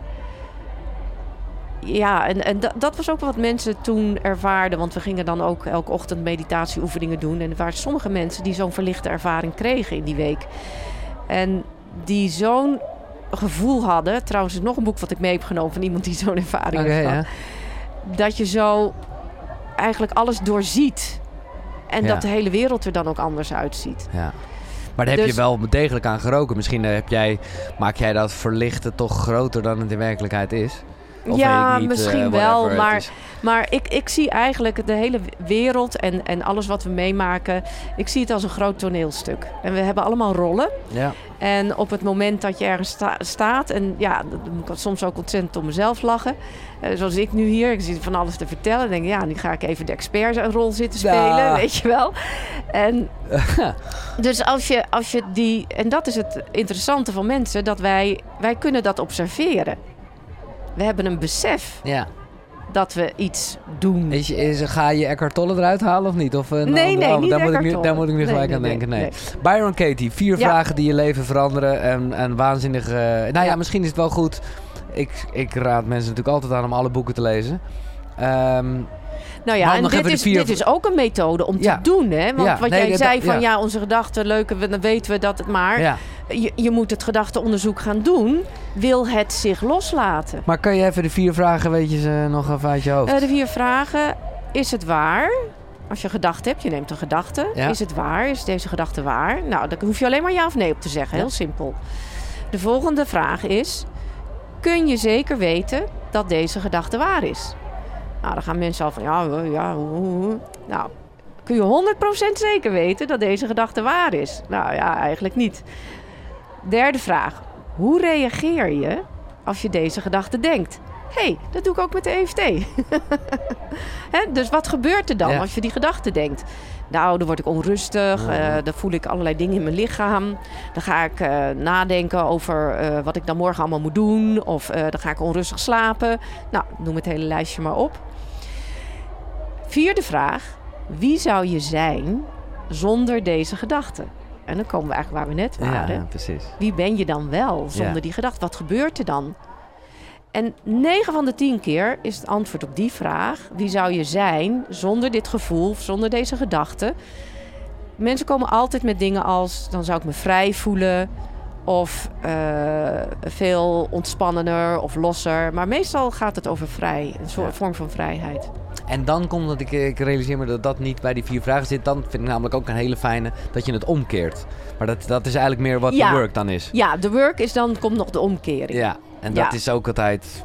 die is geweldig. Ja, Ja, ik kijk er naar uit om dat weer te voelen. Of ik Ja. kijk er naar uit om dat weer mee te maken. Ja. Ja, dat is fantastisch. Leuk. Byron Katie. Ehm, en fantastisch dat je daar eh, bij bent geweest dan. Ja. En ja, jij noemde al iemand die eh, een, een, een verlichte ervaring heeft gehad? Ja. Of, eh, of wat bedoel je? Ja, nou, ehm, dat is... Ja, dan ga ik misschien eerst die doen. Dat is het boek van mijn collega Dawson Church. Dawson Church. The Dawson Neuroscience een, of ja, Remodeling Your Brain for Resilience. Wat betekent dat? Nou, weerbaarheid, Weerbaarheid. denk ik. Creativity and Joy. Bliss Brain heet het boek. Bliss brain. Ja, Dawson is een, eh, een EFT-man. Oké. Hij is eigenlijk degene die eh, toen eh, de grondlegger van EFT, Gary Craig, met pensioen ging, heeft Dawson dat overgenomen. Eh, ik heb met een aantal collega's Dawson uitgenodigd om naar Nederland te komen. Ergens in 2010 was dat. Uh, ik ben ook in Amerika bij hem geweest uh, in de tijd toen wij hier de EFT-opleidingen op gingen, op gingen zetten. En uh, Dawson heeft een aantal jaar geleden een hele heftige ervaring gehad. Omdat hij woont in Californië. Mm -hmm. En een paar jaar geleden waren daar heftige branden. Yeah. En hij is nooit ontsnapt aan de brand. Zijn hele huis is in, en, en het hele bedrijf, Okay. alles in, in vlammen opgegaan. En dat is voor hem een, ja, een mind-changing ervaring geweest. Um, hij werkt samen met twee uh, neurofeedback-specialisten die ik ook ken. Ja. En dat zijn um, Donna Bach en Gary Groesbeck. Mm -hmm. En het interessante is dat wij met de neurofeedback, waarbij je dus de breinwerking en um, de breinwerking en, en de hersengolven kan waarnemen. Hè? Ja. Um, dat dat je dus met die neurofeedback kan zien wat er ook met je hersengolven gebeurt als je EFT doet. Oké. Okay. En deze twee neurofeedback specialisten die zijn ook uh, gespecialiseerd in een bliss brain. Daar heb ik toen ook een workshop met hen gedaan. En dat is eigenlijk een, een bepaalde uh, evenwicht, balans in je brein met je hersengolven, die jou dat hele fijne, prettige gevoel geven. En dat wat, is de bliss, ja. Dat ja, is de bliss. Ja. En wat Dawson nu gedaan heeft, hij heeft meditaties ontwikkeld... waar hij in die ook een beetje EFT gebruikt. En waarbij hij op basis van die neurofeedback-specialisten... een manier heeft gevonden om heel snel in die staat van zijn te komen. Hmm. En ik heb ze zelf gedaan, ook uh, die meditaties. Want neurofeedback, ik, ik heb ooit neurofeedback gedaan. Dat is dat je van die elektronen op je hoofd krijgt. Ik ging dan in mijn geval een film kijken en die stopte... Uh, fucking irritant. En, en nou ja, daar heb ik heel veel geleerd over hoe belangrijk slaap is. Want uh, dat werkte gewoon heel anders als ik wel goed geslapen had. En Ja. uiteindelijk, nou ja, ik wist al wel dat ik ADD had, maar daar was dat dan allemaal nog in cijfers. uh, Oh ja, ja. Dat, interessant. Maar, dus ik wil even weten hoe, de, hoe dit dan werkt als je neurofeedback op de bliss brain. Ja, toepast. want je, je brein, hè, je, je hebt beta-golven. Nou, Ja. die gebruik je vooral als je aan het denken, aan, zoals wij aan het praten. En die gaan nog harder aan Ja, het werk. Hè? Want, want die hersengolven is een, is een frequentie. Ja, Net als een we, we hebben het over de radiofrequentie verschillende staten nu. Ja, beetje. verschillende oké. staten. Ja, Dus je hebt be- eh, beta-golven, ja. ook nog gamma, maar die laat ik even af- achterwege. Je hebt beta-golven, eh eh alpha-golven, theta-golven, delta-golven. Nou, delta-golven zijn hele trage golven. Die maak je aan in slaap, maar ook in het, meditatie. in, ja, nee, als, Oh. als, met afstemming. Dus Oh, als ik met mijn cliënten werk, Hmm. maak ik heel veel delta aan. Want dan ben ik heel veel aan het invoelen. En wat je dus, dus eh, merkt met die neurofeedback is dat je als je een, een bepaalde ehm, samenstelling van dat brein hebt, dan kom je in die bliss-staat. En wat Dawson gedaan heeft, hij heeft dus meditaties ontwikkeld. En één daarvan is heel belangrijk, dat je je tong ontspant terwijl je mediteert. Heel Juist belangrijk. niet hierboven. Nee, je moet helemaal je tong Oh, ontspannen. Oké, oké, oké. Ik heb ooit van iemand geleerd ook je tenen ontspannen. Oké, Dat heeft onmiddellijk effect op je brein. oké, vet. En, ehm, nou ja, en, en er zijn nog een aantal stappen. Hij doet ook eh, EFT in het begin. En daarmee kan je dus heel snel je brein in die blissstaat brengen. En dat, dat, dat kun je dus gewoon meten met die eh, neurofeedback. Oh, Dat is heel precies. interessant. Vet! Ja, Oké dan. Is en dit is een nieuw boek, hè? Dat is nog niet zo lang uit. is het ook in het Nederlands? Ik ben zo Eh, slecht in het is nog niet vertaald Nee, in het Nederlands, denk ik. Maar het leuke is, er zitten dus meditatieoefeningen aan vast. En Ja. die kan je gewoon dan eh, op die Precies. website downloaden en die kan je zelf doen. Gaaf. Ja, dat is echt leuk. Ehm, even, want jij zegt dat net, eh, hè, dat je dat bij mij voelde. En in die, die was dat, welke staat was het nou? Welke, dat je zegt van als je contact hebt. Oh ja, nou, dan, dan maken wij meer delta-golven Ja, aan. Ja. maar dat is dus iets wat jij gewoon... Ja, hoe zie je dat? Dat is iets wat jij kan? Is dat iets wat je ontwikkeld hebt? Of wat jou gegeven is? Of hoe... eh, Oh nee, dat kan iedereen. Ja? En, en als je mensen gaat meten, Mhm. eh, en, en dat is wat wij in het verleden ook met workshops gedaan hebben met, eh, met deze mensen, is dat als je in een sessie gaat en je gaat meten, dan zie je gewoon gebeuren eh, dat mensen heel veel alfa aan gaan maken. Dat Ja. die beta heel klein wordt. Hè? Want met EFT gaan we niet meer praten en Nee, doen. nee. Dus we gaan vooral voelen. Ja. Dan zie je dat die theta-golven, die staan eigenlijk voor emoties. Dus op het moment dat we gaan kloppen, en dan worden vaak die emoties eerst intenser. Dan zie je dat je meer theta gaat aanmaken. En hoe meer die suts gaan zakken, wordt die theta minder. Ja. En dan die delta, die is vrij breed. Ja. En delta, wat je dus hebt in slaap, als je gewoon echt heel ontspannen bent. Maar deltagolven, zijn ze achtergekomen, hebben dus ook te maken met aanvoelen. Ja. Dus, eh, en, en dat aanvoelen, Echt verbinding. verbinding, Ja. eh, dat is iets wat ik eh, mijn studenten van de EFT-opleiding ook, ook leer natuurlijk, hoe ze, hoe ze dat kunnen doen. Maar dat is ook iets wat mensen, als je heel veel gesprekken met mensen doet, heel veel sessies doet met mensen, dan ga je dat ook steeds meer voelen en ervaren. Alles kan je trainen, dus eh, de- het is een Ja. soort eh, spier die... Maar het is, iets, het is iets wat alle mensen hebben. Nee, oké, dat vind ik mooi dat je dat zegt. Kijk, ik zal heel eerlijk zijn dat ik... Tuurlijk, dat is niet iets wat je hoeft te geloven, want dat weten we allemaal. Dat je gevoelens van anderen kan voelen en dat je al voelt als iemand niet zo vrolijk is en bladibla. Ja. En, en, en zoals wij net even een hele korte sessie hadden, eh, nou, vond ik het mooi en intens dat ik jou meenam in mijn gevoel. Eh, maar er was één gedeelte wat jij beschrijft. en Ik vond het wel mooi dat je het beschreef, maar ik dacht wel, ah, ik, ik, ik werd er een beetje opstandig van. Dat was een scène die je omschrijft met Karin Bloemen. Die had last van de stem. En uiteindelijk was zij niet echt. eh, nou ja, zij ging in ieder geval niet bij zichzelf kloppen. Mhm. Hè, de, de, de, zoals we het net deden. En jij nam dat over. En ja, ik ben hier gewoon een beetje duaal in. Want ergens geloof ik het heel erg. Mhm. Maar ik dacht ook, ja, maar ja, je moet het toch juist zelf voelen om het zelf. Ja. Snap je wat ik bedoel? Nou, het is heel mooi dat je ook op dit moment met deze vraag komt, want dat gaat hier heel erg over.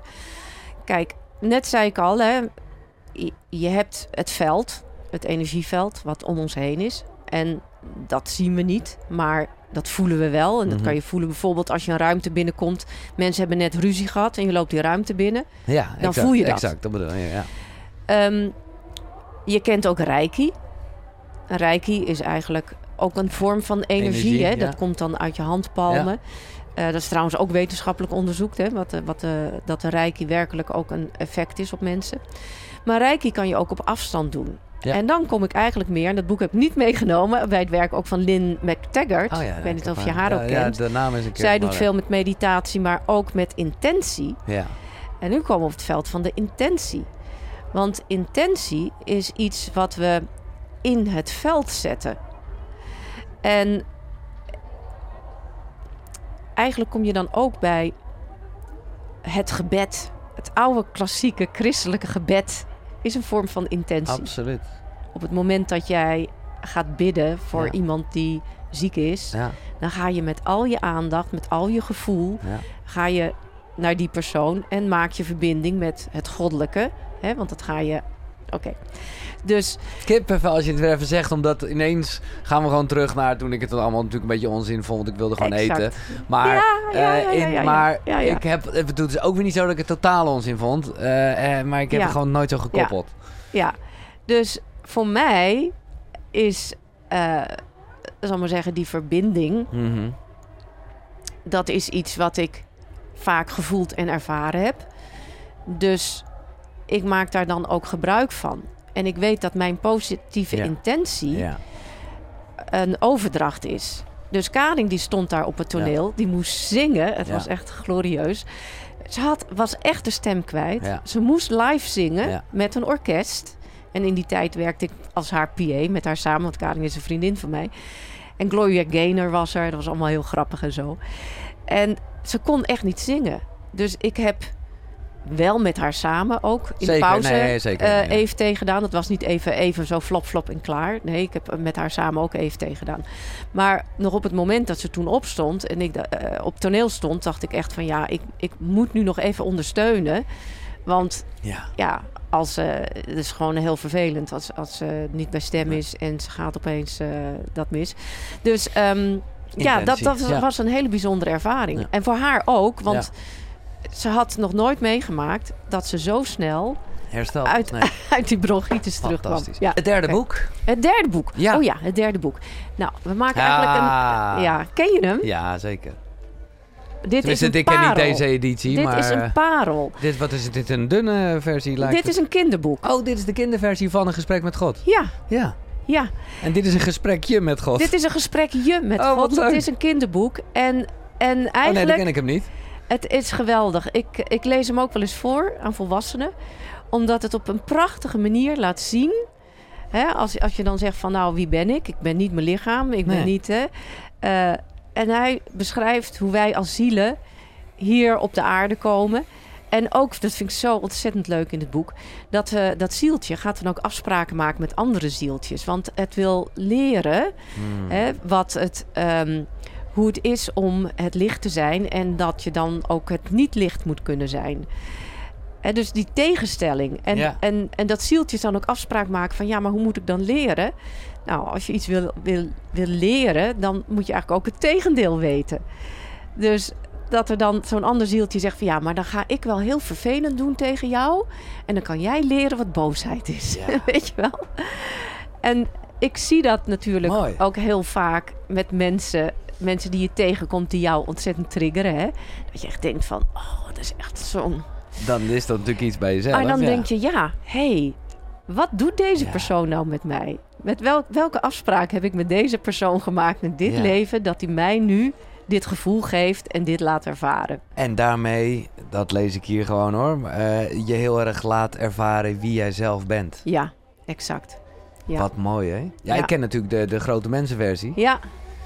Ja. Maar eh, ja, elk kind zou dit boek eh, gelijk voorgelezen moeten Ja. krijgen. een gesprekje met God, de kleine ziel en de zon. Ja, Maar dezelfde schrijver als een gesprek met God, Neil Donald Walsh. ja, heel erg leuk. Fantastisch. Leuk, dat zijn eh, de drie boeken. Ehm,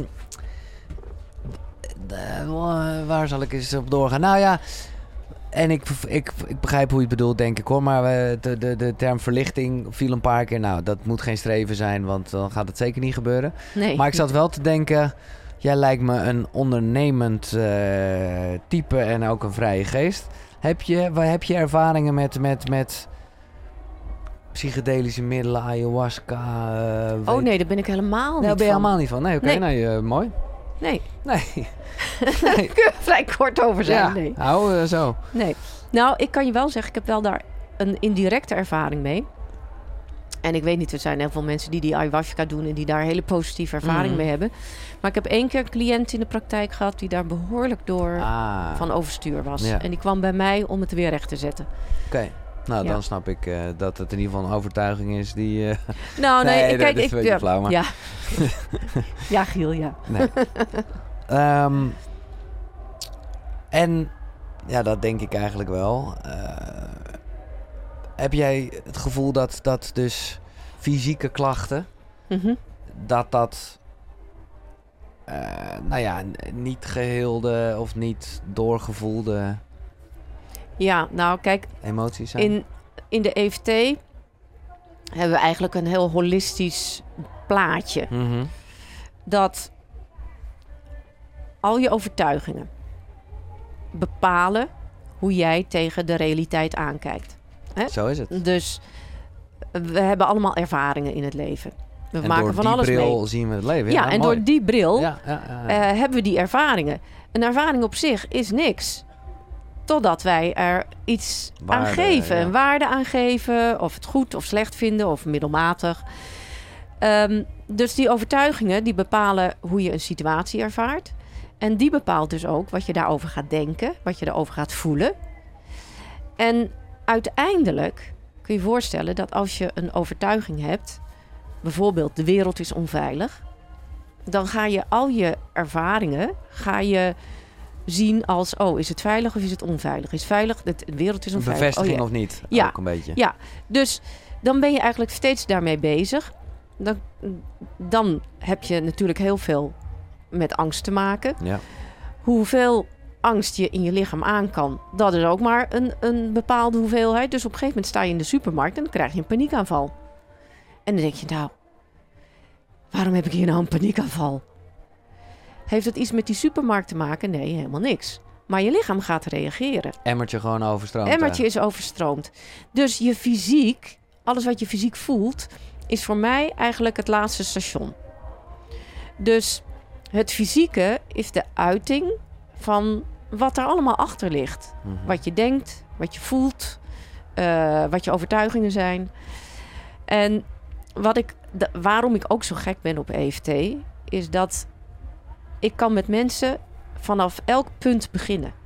Ik kan vanaf het fysieke beginnen. Ik kan vanaf de overtuigingen beginnen. Ik kan vanaf de situaties beginnen die ze mee hebben gemaakt in hun leven. Of ik kan beginnen bij hun gedachten en hun emoties. Want dat is voor mij is het een cirkel. Ja, nee, dat snap ik. En maar is het dan zo... Hè, daarnet, eh, en, en ik, ja, ik gaf gewoon een primaire reactie. Dus eh, ik dacht, ja, weet ik veel. Ik voel het in me, ik voel, ik, ja, ik voel het hier. Ja, dat, wa- eh, maar zit daar dan ook echt eh, hè, een hele verklaring achter? Ik heb wel eens een keer iemand gehoord die helemaal zo van, nou ja, met, een hoop uitdrukkingen die daarmee te maken hebben. Hè? Zo van, wat heb je op je lever en eh, Ja. dat soort shit. Eh, ik, maar ik zou even niet de, de link tussen borstbeen en eh, eenzaamheid slash ben ik niet goed genoeg eh, zien. Of, eh, nee, nou weet je, ik, ehm, ik probeer altijd zoveel mogelijk uit de verklaringen te blijven van die dingen. Omdat het voelen vind ik zo belangrijk. Ja. En anders ga je er weer iets van vinden. ja, ja. Dus Dat is misschien best een ding waar ik wel vaker over moet denken. Maar ja, ik zou maar willen zeggen, deze, dit, deze podcastserie is, heeft wel heel erg als doel om zoveel mogelijk te verklaren. Maar uiteindelijk met als doel om gewoon beter te worden in voelen. Misschien moet ik gewoon voelen. Ja. plaats van verklaren. Maar het is wel zo hè, dat, dat we niet voor niks dat soort uitdrukking hebben. Nee. En Dat je iets op je lever hebt. Ja. Ja. Of een, eh, dat je bijvoorbeeld zegt, ik heb een last op mijn schouder. Ja. Ja. Dus dat, dat komt natuurlijk ergens Maar vandaan, ik omdat we dat zo voelen. Maar is het zo, eh, en ik wil je, eh, nou ja, ik, geloof jij dan ook dat iets als kanker dus een onverwekt, eh, onverwerkt eh, of niet geneutraliseerde of doorgevoelde emotie is? Dat het daaruit voortkomt? Kijk, als je kanker hebt, ga je naar de dokter. Dat is eh, voor mij gewoon evident. Maar hoe wordt iemand ziek? Ja. En hoe ik tegen ziekte aankijk, is dat dat een opeenstapeling is van dingen die je in je jeugd ervaren hebt, soms zelfs in vorige levens. En ehm, dat is niet je eigen schuld, maar dat zijn gewoon de dingen die je ervaren hebt. Er is een heel belangrijk onderzoek geweest in Amerika, de ACE-studies. Ik weet niet of je daar wel eens van gehoord Nee. hebt. Adverse Childhood Experiences. Daar is een eh, mevrouw, eh, Nadine Burke Harris. heeft een prachtig boekje ook geschreven, had ik ook mee kunnen nemen. Ehm is een hele grote groep mensen eh, uit, een, uit een systeem van een zorgverzekeraar eh, onderzocht. Wat is er in je jeugd gebeurd? En hoe zit je in je huidige volwassen leven in je vel? Hmm. De resultaten daarvan zijn ongelooflijk. Ja, natuurlijk. Want gebleken is, echt letterlijk, dat mensen die in hun jeugd eh, misbruik hebben meegemaakt, grote trauma's, armoede, eh, een, een ouder die in de gevangenis terecht is gekomen, echtscheiding, noem maar op.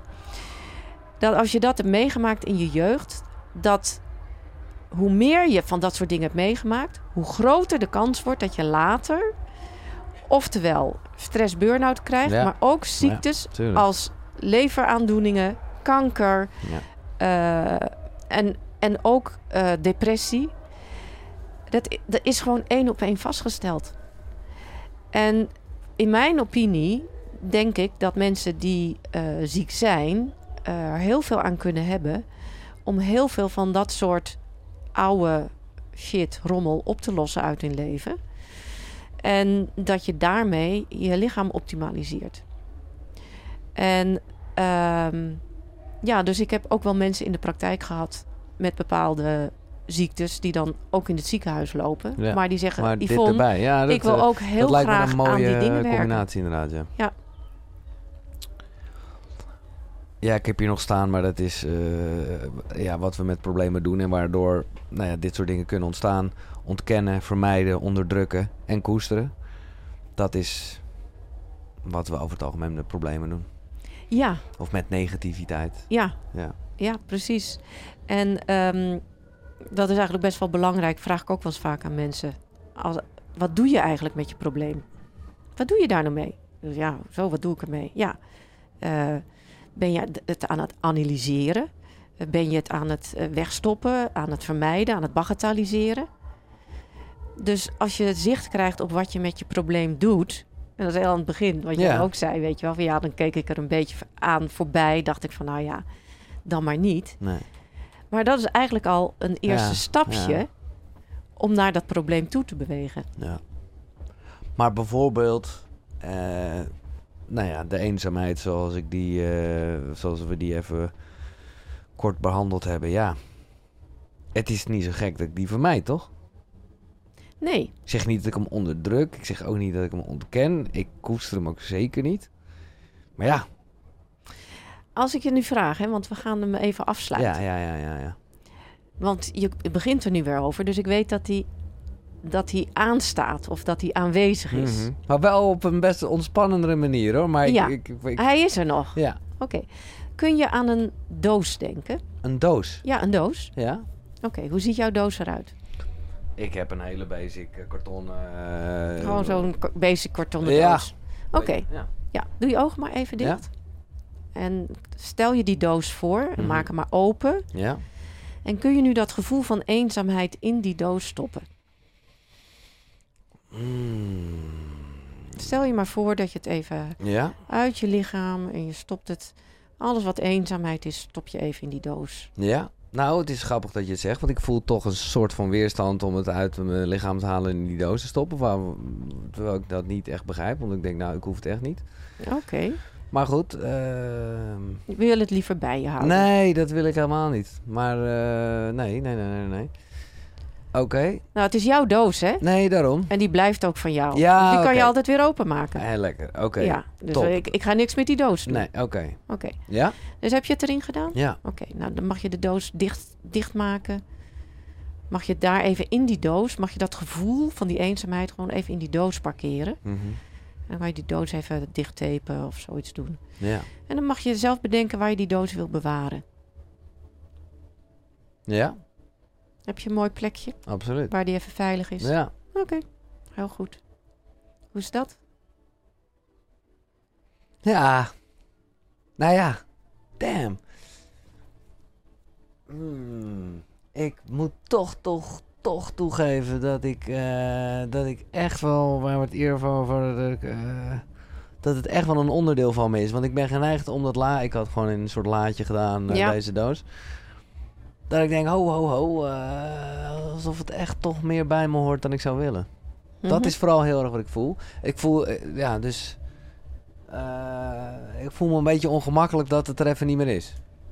Wil je hem terug hebben? Nou, nee, natuurlijk niet. Ja, maar mag. ook weer wel. Ja, Ja, dat mag. mag. Ja, maar ik heb er Ja, maar ja, wat zullen we nou krijgen? Eh, Nou, kijk, deze oefening doe ik Ja. vaak met mensen als ik een sessie heb gedaan. ja, En er is nog een rest van wat er Ja. is. Dan sluit ik het af in die doos. Omdat, omdat je dan het gevoel hebt van... nou, dan mag ik het gewoon even Ja, bewaren. precies. Is het niet meer open. Het is Nee. niet meer open. nee, oké. Maar misschien werkt voor jou beter dat laadje. Ja, Want je zei net van ik heb laadjes. ja. Dus je kan het ook gewoon lekker in dat laadje doen Laat in dat laadje. En het laadje dicht doen. Ja, maar is dat niet eh, vermijden? Onderdrukken, ontkennen? Nee, ontkennen is het zeker niet. Nou, je weet dat het er is in dat Ja. laadje. Ja. Nee, en we hebben het even aangeraakt. Ja.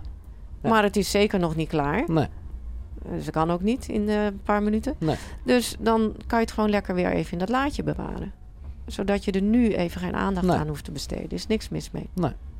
lekker. Nou, goed dan. Ja, ik laat hem in het laadje. Ja. Ja, dit is leuk. Ik onderbreek even het gesprek, maar eh, alle boeken die je net gehoord hebt, die zijn terug te vinden natuurlijk op de site koekeroe.nl slash boekenkast. Maar ik heb een extraatje, want daar vind je ook een link naar een aanbieding van Nextory, waarmee je alle boeken 50 dagen gratis kan lezen en luisteren. En hebben we het niet alleen over deze drie boeken, nee, er staan daar 300.000 luisterboeken en e-books. Dus ga naar koekeroe.nl slash boekenkast om 50 dagen lang gratis Nextory te gebruiken. Top toch? Thanks. Ehm, ik heb één vraag nog niet gesteld, wat nu een vrij random vraag voelt, maar ik stel hem aan al mijn gasten, dus eh, ook zeker aan jou. Eh, heb je een ochtendroutine? Ja, hey, er komt gelijk een soort twinkeling. Alsof het echt een... eh, ja, oké. ik zou je zeggen, sinds de corona heb Ja. ik een ochtendroutine. Oké, dus gaat er een wekker? Er gaat een wekker om Ja. half acht. Bam, ja. En dan sta ik op en dan ga ik naar beneden. Dan rol ik mijn yogamatje uit. En eh, nou ja, zoals sommige mensen weten van mij, ik ben danseres geweest. Dus ik ben heel erg wel fysiek. ja.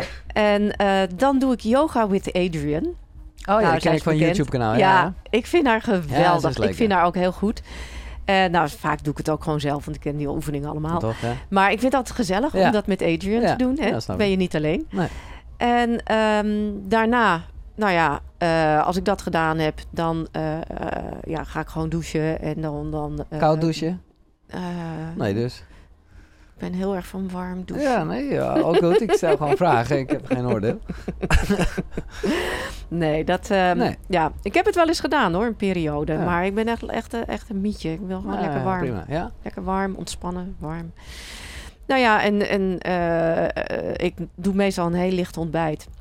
En dan eh, ga ik richting praktijk. En heb jij, is, het, is, is EFT voor jezelf nog een soort dagelijks dingetje? Ja. Maar gewoon ergens random even Ja. tikken? Of misschien, kijk, ik kan me voorstellen dat in jouw geval bij wijze van spreken één tikje genoeg is? Of, mag, of is Ja, het altijd ja, wel ja, ja. handeling? Nou, het is heel, eigenlijk heel grappig ook. eh, want eh eergisteren, toen... Ik, ik heb echt een beetje drukke tijd op dit moment. En toen had ik ook een drukke dag. En eh, heel veel verschillende dingen gedaan. En ik zat op de fiets. Ik moest ergens naartoe. En ik dacht, oh, ik ben eigenlijk veel te moe. Oh, Oh. ik ben zo moe. Ja. En toen dacht ik, hé, hey, wacht even. eh, laten we gewoon even gaan kloppen. Dus op de fiets, één hand aan het stuur en de ander even zo kloppen, Ja. kloppen, kloppen. En ik dacht, nou voor hip zeg, dat werkt echt die EFT. Dus ik had echt even vijf minuten zo op de fiets geklopt. En dan voel ik, oh wacht even, die moeheid die gaat nu uit mijn lichaam. Ja. En dan word ik een soort van helder. En ik, oh hé, wat lekker. Want je kent dat wel aan het eind van de dag, dat je echt helemaal denkt van nou... ja. Ik was echt dat ik dacht, nou, als ik nu ergens ga liggen, dan kan bam. ik gelijk in slaap Ja, vallen. Maar na vijf minuten dacht ik, nou, ben eigenlijk wel eh, kip lekker. Leuk. Ja. En, en eh, meditatiedingen? Of, eh, Ja hoor, ik, ik, doe, ik doe de yoga of meditatie. en af en toe pak je dus de bliss-meditatie. Af en die toe ga doe ik de bliss-meditatie, zeker ja. doen. Ja. Eh, Ja. de boeken die besproken zijn, die vind je op koekeroe.nl slash Yvonne. En natuurlijk ook in de beschrijving. Ja, hoe kijk je aan tegen de dood? Nou, sinds de dood van mijn zus ben ik daar natuurlijk wel anders tegenaan gaan kijken. Namelijk? Nou, toen ik, toen ik hoorde dat zij overleden was, was mijn eerste ingeving, ik wil leven. Dat was het eerste. Power, juist. Ja, Ja, heel goed. Eh, dus dat heeft me uit een, eh, wel uit een dilemma gehaald onmiddellijk. Ja. Eh, dus ik weet ook dat ik... mijn- mijn moeder is heel erg van de euthanasie. Dat is heel, heel grappig. Als in daar, dat wil ze ooit, heeft ja, gezegd. het is, als ik ziek word of ik word krakkemikkig... nee hoor, dan wil ik niet verder, dan eh, wil ik euthanasie. En dan moeten we altijd zeggen... nou mam, als je een been breekt, dan kan je geen euthanasie krijgen. Hè? Ehm, maar eh, ik ben zelf, denk ik, eh, de laatste tijd, want ik ben vorig jaar 60 geworden, denk ik van nou, ik wil eigenlijk niet zo graag dood. Eigenlijk helemaal niet. en misschien toch wel voor dat moment een beetje huiverig. Oké. Maar ik weet eh, dat ik dat voor mij is het hierna niet voorbij. Dus, dus ik, ik weet dat ik gewoon naar een andere dimensie ga, in een andere vorm. En dat het allemaal wel goed zal komen. Maar ja, ik hang wel aan het leven. Ik vind het geweldig Ja. hier. Oh, dat is Ja. allemaal mee te maken, is Ja. fantastisch. En die dimensie, ja, ik vind het al mooi dat je dat zegt. We weten het allemaal niet, maar zo zie je Nee. dat wel. De energie die opgaat in het totaal, of juist wel in in een ander... Nou, ik denk wel dat ik een vorm van bewustzijn blijf. Ja, En, en, en ja, daar heb ik ook wel dingen mee ervaren. Met verbinding met. Nou, maar goed, dat, is, dat hebben veel mensen natuurlijk wel. Ehm, dus dat bewustzijn, dat, dat, dat blijft wel. Ja. En, ehm, maar hoe dat zal zijn, Nou ja, ja, dat weet ik ook niet. En hoe eh, wil je dat de mensen Yvonne Touzet eh, herinneren? Nou, ik hoop eigenlijk, en dan wil ik helemaal niet, uh, het gaat niet op mijn ego, maar ik hoop wel dat het dat mensen zullen weten van, oh, Yvonne Touzet, ja, dat is EFT. En EFT is heel belangrijk. Ja, precies. nou, ik denk dat je eh, dan nu al met een gerust hart uh, de planeet kan verlaten. Ik hoop het niet voor de duidelijkheid. Maar dat is wat je al bewerkstelligd hebt. Ik bedoel, nou, dan ben je niet met de tachtigste druk bezig van dit boek. Ja. en, en ben je hier niet op Healthy Vest om daar opnieuw weer mensen mee te inspireren. En ja, super dank. Ik hoop eigenlijk, zeg ik uh, geheel privé, om nog eens een keer een sessie te doen over iets wat we aangestipt en getikt hebben. Ja, je bent altijd wel. Maar dat, ja, onwijs bedankt voor je tijd. En ja, machtig mooi. Heel graag gedaan. Ja. Dankjewel. Jij bedankt voor het luisteren en het kijken. Ik ben heel benieuwd ook weer naar de reacties op dit. Uh, misschien heeft het iets losgemaakt in je. Uh, laat het vooral onder in de reacties. Als je YouTube kijkt, kan je ook abonneren. Uh, je kan een recensie schrijven op iTunes, Spotify, weet ik veel wat. Je kan me gewoon een mailtje sturen. Giel.koekeroep.nl Dit was een nou, EFT special zou je kunnen zeggen. Ik ben blij dat het een keer helemaal goed besproken is. vanaf Healthy Fest dus. Tot de volgende. Zonnegroet. Hoi. Hoi.